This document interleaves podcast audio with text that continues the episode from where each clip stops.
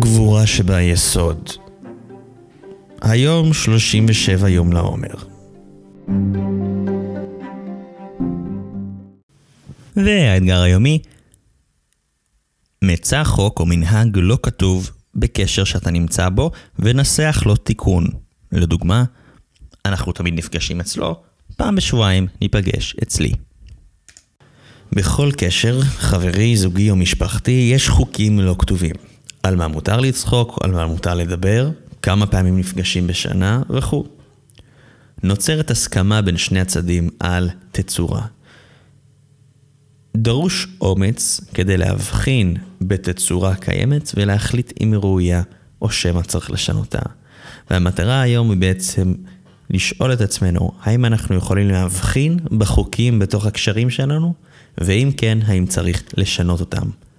להלן כמה דוגמאות של ניתוח קשרים ולפעמים של שינוים. ביום הולדתי ה-40 פצחתי במשבר גיל ה-40 המפורסם. כשחלק ממנו הבנתי שאני רוצה להתאהב עוד פעם, ואז באתי ודיברתי על זה עם בעלי, והצעתי לו מערכת יחסים פתוחה. מה שהוביל לסוג של משבר. עד שהגענו למצב שבו באמת הבנו שזו הדרך החיים הנכונה לנו, ומאז אנחנו שם. אז הכל מותר או שיש כללים? בהתחלה היו לנו כללים יחסית מאוד מאוד נוקשים, כי כשיוצאים לדרך מאוד לא ברורה, מאוד חסרת ודאות, אז כללים שומרים על אנשים. כן לילה, לא לילה. כן חוץ לארץ, לא חוץ לארץ.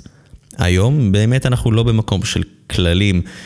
אנחנו בכלל לא בתודעה של איסור או להרשות או לאפשר, אלא אנחנו מתאמים. מה שהלוי, סליחה על השאלה, נושא פוליהמוריה, מתוך תאגיד שידור ישראלי, כאן 11. סלאבו ז'יז'ק, פילוסוף סלובני, מתוך ספרו איך לקרוא לכאן. שימו לב גם לפרדוקס תהליך בקשת הסליחה. אם פגעתי במישהו עם הערה בוטה, הדבר הראוי לי לעשות הוא לבקש סליחה כנה. והדבר הראוי מצידו הוא לומר משהו כמו תודה, אני מעריך את הסליחה, ולא היה צורך כי אני יודע שלא התכוונת, אז אין באמת צורך בהתנצלות. הנקודה היא כמובן שלמרות שהתוצאה הסופית מבחינה לוגית היא שאין צורך בהתנצלות, צריך לבצע את כל התהליך ניתן לומר אין צורך בהתנצלות רק אחרי שמתנצלים, למרות שרשמית לא קורה כלום. יש ערך בכל התהליך. המוסכמות שזוגות מסכימים עליהן יכולות להעיד על התחייבות. דוגמה לכך הן זוגות שעוצרים ומחליטים לעצב את התקשרותם באופן שונה מהמצופה מהם ולקבוע כללים לעצמם.